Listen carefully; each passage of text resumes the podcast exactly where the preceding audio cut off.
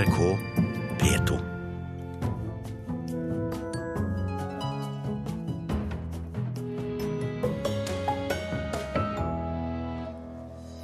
Tidligere Høyre-politikere, Kjell Magne Bondevik, kulturpersoner og avisredaktører står alle bak en ny kampanje for å bevare pressestøtten, og møter Fremskrittspartiet til debatt. Komponist Jon Erik Kåda spiller inn filmmusikk i Norge, og ikke i Øst-Europa, og han mener flere bør følge hans eksempel. Og vår kritiker undersøker om Ikea har virkelig tatt pulsen på tiden med årets møbelkatalog. Dette er blant sakene i Kulturnytt her i Nyhetsmorgen i NRK, i studio Ugo Fermariello.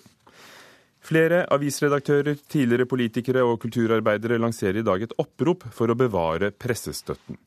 Den første annonsen er signert av bl.a. tidligere Høyre-politiker og kulturminister Lars Roar Langslett og tidligere statsminister Kjell Magne Bondevik fra KrF, som en protest mot bl.a. Høyres forslag om å kutte 100 millioner kroner i pressestøtten. Oppropet er igangsatt av avisene Dagsavisen, Klassekampen, Vårt Land, Nasjonen og Bergensavisen. Og Eirik Lysholm, direktør i nettopp Dagsavisen, hva risikerer dere hvis pressestøtten blir borte?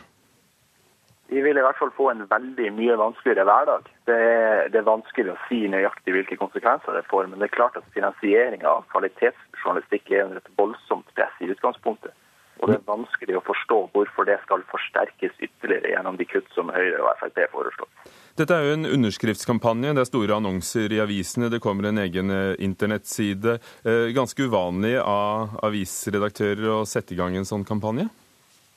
Men så er det også ganske uvanlig at uh, mediemangfoldet er angrepet sånn som, som, det kan bli etter et eventuelt regjeringsskifte. Det er sånn at uh, For oss er dette gambling med, med mangfoldet, enten vi snakker om kutt i pressestøtteordninga eller fjerning av NRK-lisensen, som Frp også ønsker.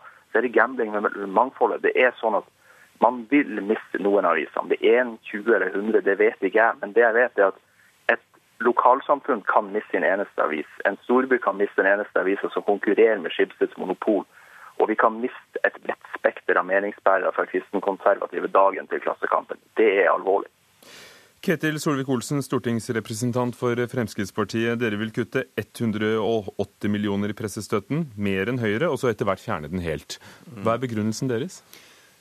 Utgangspunktet er at det er prinsipielt betenkelig at staten skal betale aviser for å ha meninger. For mange av disse avisene som får mest i støtte, er jo såkalt meningsbærende aviser. Altså De leverer de samme nyhetene som andre, men så har de òg veldig sterke meninger, ofte gått ut på venstresiden og gjør. Det at dette representerer et veldig sterkt mangfold, det kan en òg diskutere. fordi at det er 139 aviser som får pressestøtte. De fire største, de fem største stikker jo av med halvparten av dette. Og Fremskrittspartiet har tydelig sagt at de avisene som har en lokal karakter, og som er nummer to-aviser som nettopp sikrer mangfoldet, de vil vi skjerme. Men vi er litt mer betenkte på de avisene som åpenbart har politiske slagsider, skal sitte få 40 millioner kroner eh, i støtte fra staten for å være et eh, organ for eh, norsk venstreside primært. Men hvordan vil dere skjerme noen aviser hvis dere foreslår å avvikle hele ordningen? Ja, fordi at du på sikt må finne andre måter du òg finansierer dette på. Det er jo derfor vi sier at vi skal ikke gjøre alt på en gang. Vi skal sørge for at du klarer å opprettholde det mangfoldet som media Norge har. Fordi at mange avhengige eller setter veldig sterk pris på å ha sin lokalaviser. Og disse lokalavisene har ikke nødvendigvis veldig gode måter å finansiere seg på andre måter, fordi de har et begrenset annonsemarked. Men en del av disse avisene som er veldig store, får de aller største bevilgningene, altså 30-40 millioner kroner i året. Det er mer riksaviser som òg har et helt annet annonsemarked å gå på. Men en av disse tingene som, som Fremskrittspartiet vil, som dagens regjering ikke har levert på, det er jo eh, å sikre likestilling av momsen på digitale og papirmedier. Fordi at Avisen Nasjon har jo sagt at hvis de ikke får den samme momsen digitalt som på papir, så er det over ut for dem uansett. Så vi må heller kikke i den retning framfor alltid skrike etter mer penger fra staten. Og Erik Lysholm, direktør i Dagsavisen, ser ikke dere behovet for en forandring av pressestøtten? For det gir jo noen paradoksale utslag ved at det nettopp er den gamle papiravisen som da holder standen på pressestøtten, men nettopp kanskje nettopp forskjellige former for omlegging i og med at det nå er mer enn det trykte papiret vi leser på? Nå er vel Dagsavisen en av de avisene som er fremst i forhold til, til å prøve ut nye forretningsmodeller. Vi var først ute med en betalingsmodell digitalt. Vi kommer til å relansere en, en gammel eh, arbeideravis i Drammen, Fremtiden, i, i løpet av en måneds tid. Det gjør vi for at vår journalistikk skal nå ut til flere. Men, og Burde ikke da også politikken nettopp legge om på den måten dere har gjort? Ja, men politikken eh, må ikke kutte. Det er jo det som er problemet. Man ønsker jo et vinkla kutt. Jeg blir bekymra når jeg hører Frp si at man skal ta vekk de som mener mest. Og det er ikke riktig at de er på venstresida. Da bør han lese lederen i avisa Dagen i dag, som tar et oppgjør med akkurat det. Fordi at de støtter en regjering med Frp, men de kan også bli nedlagt. Det som er problemet her, er jo at pressestøtteordninga ble innført for å gi et mangfold, et bredt spekter av meninger. Røde og blå aviser på mange utgiversteder. Dette ønsker Høyre fortsatt. Frp ønsker det motsatte. Det er et problem. Det må de to partiene bli enige om. Og så må vi få et klart svar fra Høyre hva de også vil, for det har de ennå ikke sagt. Vi, vi, vi, prøvde å få det vi prøvde å få det svaret fra Høyre her i dag, men de kunne ikke stille. Også fordi det nettopp er mange tidligere Høyre-politikere i dette oppropet, bl.a. tidligere, tidligere datatilsyndirektør Georg Apenes. Eh, men Ketil Solvik-Olsen, hvis dere skal eh, regjere sammen med Høyre, hvordan skal dere bli enige om hvordan og hva dere vil gjøre? Vi er enige om retningen. Så vil vi selvsagt måtte diskutere virkemidlene. og Jeg vil bare presisere at vårt mål er jo ikke å fjerne mange av disse avisene. Veldig mange av disse avisene har lokal karakter. De har vi sagt spesifikt vi ønsker å beskytte. og Da må vi finne andre ordninger som ivaretar det. Vi kommer ikke til å kutte støtten før vi har funnet de ordningene, bare så det er sagt. Men det å sikre dette mangfoldet vi har altså en annen mediehverdag i dag enn det en hadde for 10-20 år siden. fordi at du har helt andre plattformer. Folk kan delta i debatten på en helt annen måte. Og når han har altså sånn som sjefsredaktøren i avisa di Dagsavisen, altså Kaja Storvik, når det, når det, var en meningsmåling blant journalister om hva de stemmer, og, og journalisten fra Aftenposten da spør hvorfor er det så mange som stemmer rødt, altså på de røde partiene, så sier Kaja Storvik at dette har med pressestøtte å gjøre, og å sikre sin egen arbeidsplass. Og Det viser jo hvor uheldig det blir når staten må, må, være en garantist for en del aviser. Det påvirker måten journalistene tenker på, hvordan de tilnærmer seg den politiske debatten. Da får du en slagside i mange aviser som går i retning av å støtte enkelte parti. Eh, og, og, en del kommentatorer i dine aviser er jo åpenbart på den sosialistiske sida, så dette er ikke et meningsmangfold, dette er et støtte for dagens regjeringsparti. Eirik Lysholm. Ja, eh, nå er det jo sånn at vår avis har stått på de samme verdiene i 129 år. Jeg har skrevet mange av disse lederne og, eh, og kommentarene som, som, det henvises til her. Vi er en avis som står på, med arbeidstakerståsted i forhold til næringslivet. Dagens Næringsliv står for det motsatte av oss. Det er vi klar over. Det vil vi alltid stå for. Men det vil ikke påvirke vår journalistikk, det som, eh, som Solvik-Olsen her henviser til i forhold til, til pressestøtte. Det tror jeg egentlig ingen mistenker oss for heller. Men det er siste ord. Det må bli siste ord fra dere begge. Takk skal dere ha, Eirik Lysholm, direktør i Dagsavisen, som er en av avisene bak oppropet for å bevare pressestøtten som lanseres i dag. Og til deg, Ketil Solvik-Olsen fra Fremskrittspartiet.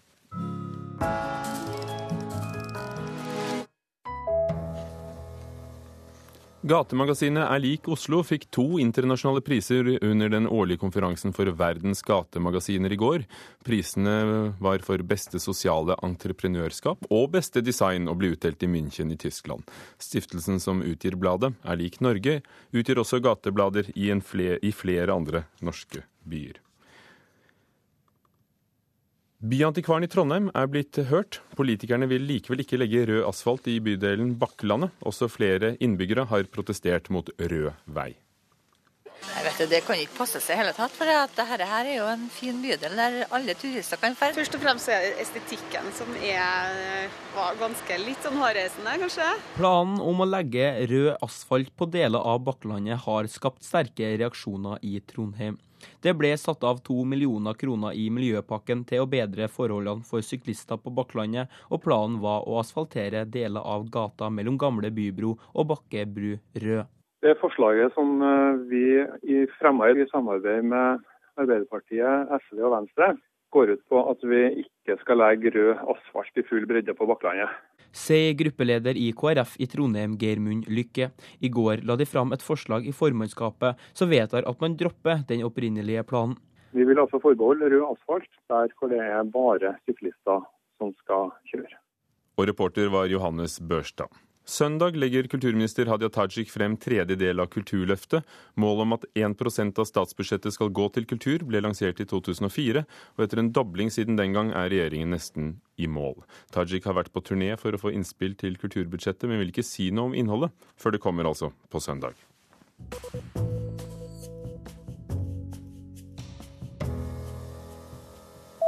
Komponist Jon Erik Kåda valgte Stavanger symfoniorkester til å spille inn musikken til en ny fransk storfilm. Symfonisk filmmusikk spilles veldig ofte inn i Øst-Europa, og Kåda mener at det er på tide å snu denne trenden av hensyn til norsk film. Elisabeth Skaar Sipkens stemmer fiolinen før en ny økt med innspilling av filmmusikk, noe Stavanger symfoniorkester gjør stadig mer av. Det er ofte krevende for oss, det. Vi ser jo ikke helheten, vi er med på alltid. Men sånn som nå, så er det, det er fint vi får litt eh, backtrack i øret, så vi hører litt av musikken, hvordan den blir helheten til slutt. Vi andre må vente til filmen kommer, før vi får høre musikken, som er skrevet av Jon Erik Kåda. Vi, vi drev og tar opp filmmusikk til en, til en, fransk film som heter La liste mes envie. Storfilmen er basert på bestselgerboka 'Ønskelisten', og denne gangen ville Kåda spille inn musikken på hjemmebane i Fartein Vallensalen i det nye konserthuset i Stavanger. Jeg er ikke akkurat i en sånn komfortsone når jeg skal liksom skrive for orkester. Så det var litt godt å bare komme litt sånn hjem. Den salen og det at de liksom har kommet, kommet inn i så flotte lokaliteter og sånn, har jo har jo gjort noe med orkesteret òg. En merker jo at de har en, en voldsom sånn vitalitet. da. Og Hvis en skal sammenligne det med de kanskje litt sånn utslitte, mange underbetalte musikerne i Øst-Europa, så ja, jeg vet ikke, det føltes riktig. Du vil ikke bare ha 90 mann som sitter og bare leser noter helt blindt. Norske musikere brukte Kåda også da han spilte inn musikken til O. Horten, men dette er unntaket snarere enn regelen i norsk film. Musikken til filmer som Max Manus og Hodejegerne er spilt inn i Øst-Europa, som tilbyr rimelige pakkeløsninger. Komponist Gaute Storås reiste til Bratislava for å spille inn musikken til Elias-filmene, Victoria og Reisen til julestjernen. Det har rett og slett vært fleksibiliteten. At eh, Bratislava kan snuse rundt med en femøring hvis de har et mulig kalender. i kalenderen. Hvis du skal få en avtale med et norsk, norsk orkester, så er du avhengig av at uh, langtidsplanen legger veldig mye. Og i de tilfellene, og i mine tilfeller, så har ikke de hatt mulighet til å gjøre når jeg måtte gjøre. Altså De gangene vi har gjort ting utenlands, eller at jeg har reist og fått gjort ting, så jeg har egentlig aldri hatt noen god feeling på resultatet. Altså Du, du har liksom ikke kontroll. da.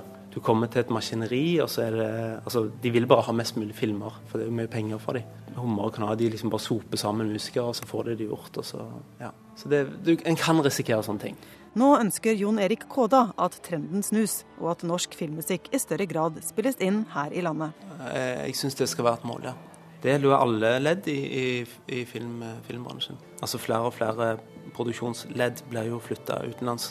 Filmbransjen i Norge blør jo nå og det, vi må ta vare på hverandre. F.eks. at en eh, sånn film som Flåklypa spilles inn med norsk musikk av et norsk orkester, det anser jeg som meget viktig. Sier sjefen for kringkastingsorkesteret KORK, Rolf Lennart Stensø. Musikken til Flåklypa-filmen er ikonisk, og nå er KORK i gang med å spille inn ny musikk til en ny Flåklypa-film. Stensø mener det er en myte som må avlives at norske orkestre ikke er konkurransedyktige. Det har vært store forskjeller på Øst-Europa og ja, Vest-Europa kan du si, i veldig mange år.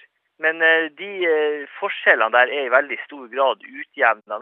Og da må vi være flinke og få formidla det til de som skal velge oss. Sa Kringkastingsorkesterets sjef Rolf Lennart Stensø, og reporter var Anette Johansen Espeland. Klokken er snart 17 minutter over åtte dører på Nyhetsmorgen i NRK. Overskriften i dag. En sikkerhetsanalyse gjort for Statens vegvesen viser at utenlandske lastebiler lettere forårsaker brann i tunneler enn norske. Mandag ble flere personer hardt skadet og flere titalls sendt til sykehus da et utenlandsk vogntog begynte å brenne i en tunnel i Sogn og Fjordane. Bremser og gir er ofte ikke laget for norske bakker, sier Egil Otter i NAF. Ja, det er totalt annerledes eh, bygd. og uh, slik at Det er faktisk forskjell. En lastebil er bare ikke en lastebil, selv om man ser like ut på, på utsiden.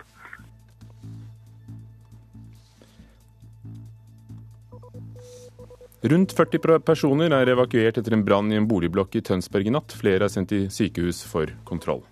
Vi måtte jo evakuere folk, både med hjelp av stiger fra, fra altaner. Så at de hadde så det som dramatisk, det, det skjønner jeg. sa innsatsleder Espen Solumdal, og det var flere branner i Tønsberg i natt, og politiet tror de er påsatt. Det brenner kraftig på lufthavnen i Kenyas hovedstad Nairobi. Det er ikke klart hva som er årsaken til storbrannen i utenlandsterminalen. Og senere i Kulturnytt får vi anbefalt sommerlektyre på tampen av en sesong.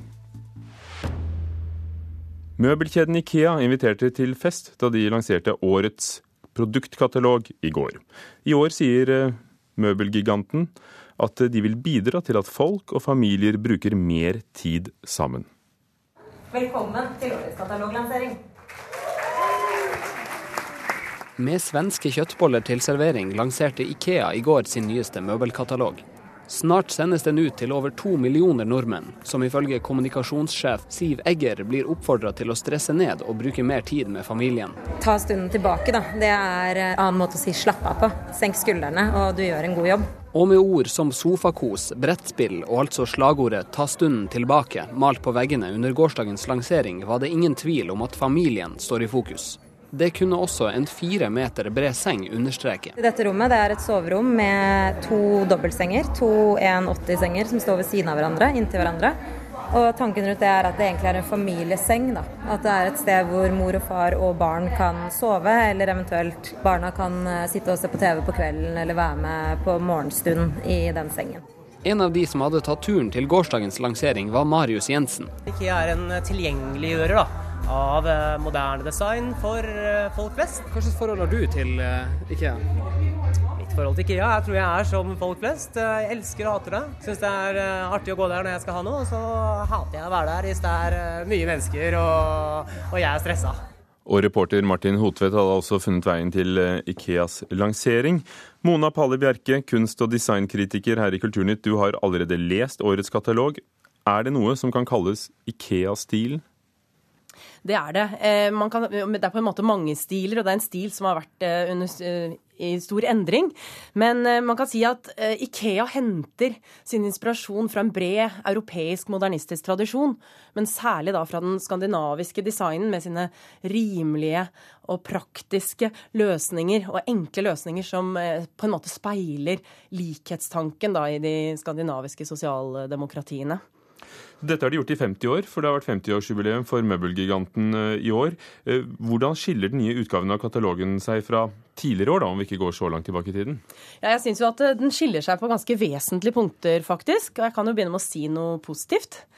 For inntil nylig, så, eller inntil nå, da, så har jo da gjennom noen år Ikea-katalogen blitt mer og mer et sånt livsstilsmagasin. Hvor de på en måte selger identitet.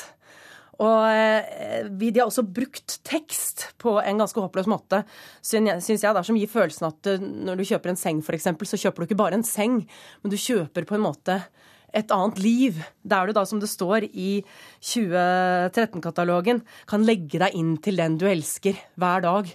Og et annet eksempel da, på en sånn type bruk av språket som er ganske hårreisende, syns jeg, det er jo også en sånn med store typer eh, som var på en Ikea-katalog for noen år siden. Mer av det som betyr mest. Og her snakker vi altså om møbler. Så det er jo ganske tankevekkende. Men ikke i år? Nei, det, for jeg tipper de har fått ganske krass kritikk nettopp for dette. Her har de moderert, moderert seg, og det er et veldig godt uh, grep. da. Så man kan si at 2014-katalogen har på godt og ondt et mindre forførerisk uttrykk. Hva gjør det med appellen eh, denne katalogen har eller ikke har for eh, folk? Altså jeg synes eh, Selve det at de tar bort teksten, det er bare positivt. Det er et rent pluss. Men uh, uavhengig av det, da, så er dette en mindre appellerende katalog. Men det handler om at det visuelt sett er mye dårligere laget, syns jeg. Eh, og da snakker jeg ikke om den grafiske designen til selve trykksaken. Den er mer nøktern, mer tilbakeholden, og det er egentlig bra. Men jeg snakker om utstillingsdesign, hvordan de har formet disse interiørene som er avbildet. For det er jo sånn fra 1990-tallet eh, og fremover så har det jo vært minimalismen som har vært den store Ikea-stilen. Og så har man da gradvis uh, gått over til å søke mot en større frodighet, det vi kan kalle en maksimalisme, hvor man har villet ha, prøve å skape et mer individualisert uttrykk, en opplevelse at du ikke ser inn i eh, et interiørvindu, men mer inn i et levende hjem, da hvor det er spor av liv, og hvor det ikke nødvendigvis er helt uh, ryddig heller. Og det har vært mye mer de klare, sterke fargene, store mønstre uh, osv. Så, så det er jo en, man kan si at uh, 2014-katalogen er et toppunkt, en virkelig sånn, hvor dette er tatt helt ut i det ekstreme. da. Og hvordan gjør de det? Kan du beskrive det for oss? Ja, det er jo liksom sånn at eh, Bare det å bla i katalogen syns jeg er liksom rett og slett en slitsom opplevelse. fordi det er liksom en sånn masete opphopning av gjenstander i alle interiørene som skal liksom virkelig insistere på at dette er et, et levende hjem. Og dette er liksom et personlig formgitt sted. Og eh, det er også ofte uklart hva slags rom det er du ser inn i. Du blir liksom stående liksom, Er det et kjøkken, eller er det et bad, eller er det en stue? Og det er litt fordi det er et poeng for dem å, å vise at du kan godt ha en sko bohylle midt i stua full av sko fra gulv til tak. I stedet for bøker, altså? Ja, eller du kan godt ha eh, fulle skittentøyskurver på kjøkkenet. Og du kan gjerne stille liksom, hyller med tekstiler ved siden av hyller med tallerkener, for å vise at man er litt sånn dynamisk og ukonvensjonell og ujålete, da. Og det som er et sånt kjempegodt eksempel, syns jeg, på den der kaosestetikken som de dyrker, det er ett rom hvor det er en uoppredd seng, eller liksom delvis uryddig seng, og så er det på alle veggene bøker. Og det fins jo nesten ikke så vakkert, noe så vakkert som en vegg fylt med bøker. Men denne bokhyllen er så rotete. Det er liksom bøker på kryss og tvers, det er tidsskrifter, det er ting liksom presset inn i hyllen, det er gjenstander. Og på da nattbordet så står det en sånn lealaus stabel med bøker med et glass vann oppå. Så det, liksom, det er liksom dratt veldig ut i det ekstreme, da. Ifølge møbelhuset selv så er årets tema 'Ta stunden tilbake'. Hvordan belyses dette slagordet? Ja, Dette er i hvert fall et veldig viktig tema, kan man tenke seg, en tid hvor hvor eh, hjemmet er blitt en slags transittsone, hvor man kommer innom og bare henter en bag og skifter og løper igjen, eller hvor husstandens medlemmer bare forsvinner inn bak hver sin skjerm. Eh, men jeg syns ikke at de egentlig tar opp dette på noen veldig, verken veldig synlig måte eller en veldig interessant måte. Det er på en måte, det blir bare noe de sier at er en slags eh, tematikk, og som kanskje man kan spore i noen av, av disse tekstene og noen av fokusene. Ser du noen trender for eh, året som kommer? IKEA skaper vel ikke egentlig trender. Det er vel mer at de fanger opp trender, og at de videreformidler dem. Jeg er faktisk litt usikker på om de har eh, fingeren på tidens puls eh, akkurat nå. Takk skal du ha, Mona Pale Bjerke, som har lest årets IKEA-katalog.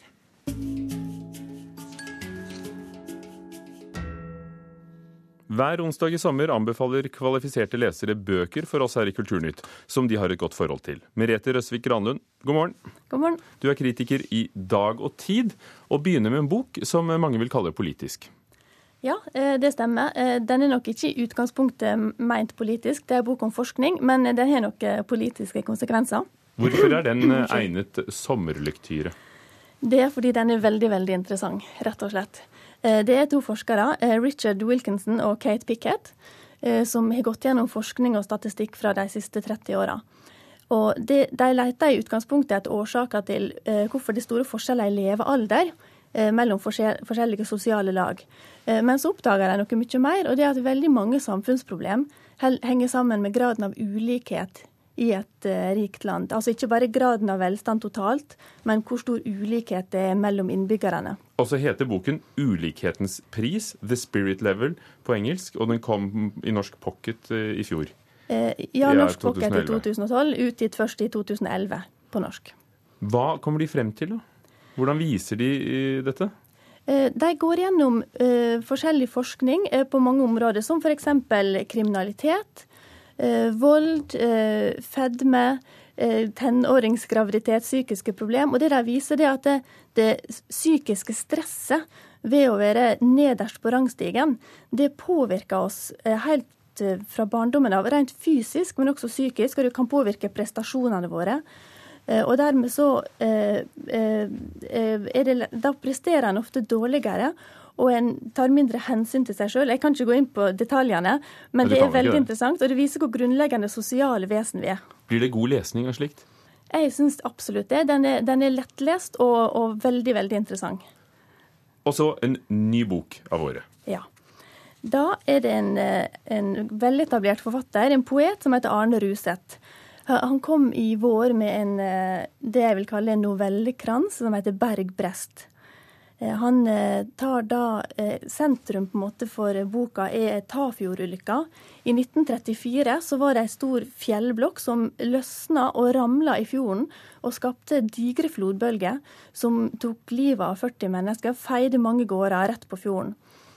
Det han gjør, det er at han viser glimt av livet til forskjellige av innbyggerne i bygda, både før og etter denne ulykka. Og han skriver helt nydelig. Han har et veldig poetisk, flott, eh, rytmisk språk.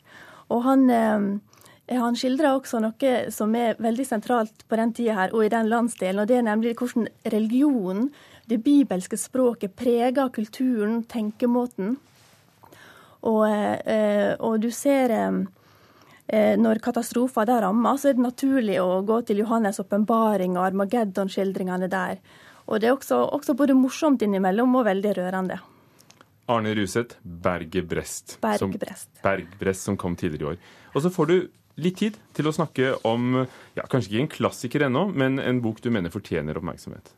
Ja, eh, det er Anne Oterholm. Hun har, har utgitt en trilogi med et litt sånn, filosofisk tilsnitt. Hun har sagt at hun vil undersøke de tre tilstandene som ifølge den franske filosofen Bataille får oss til å glemme døden. Begjær, forelskelse og religiøs ekstase. Den boka her skildrer en ung gutt som har blitt kristen, og som reiser til Syden. og Der møter han ei jente som er vikaheks. Og det her det, det utfordrer han ganske kraftig. Og det som jeg syns er veldig spennende med det Anne Oterholm gjør, det er at hun viser på en måte hvordan det språket vi har tatt, tatt inn over oss fra noen andre, i det tilfellet her religiøst språk, kan stå i misforhold til det som egentlig foregår på et emosjonelt plan. Og det er sannheten? Det er sannheten, ja. Takk skal du ha for at du anbefalte bøker i dag, Merete Røsvik Ranlund, som skriver vanligvis i Dag og Tid, Arne Ruseth, Anne Oterholm og ulikhetens pris. Og det var det vi rakk i Kulturnytt, som var ved produsent Ina Strøm. Hanne Lunås var teknisk ansvarlig. Ugo Fermariello programleder. Klokken er straks halv ni. Du hører på Nyhetsmorgen i NRK.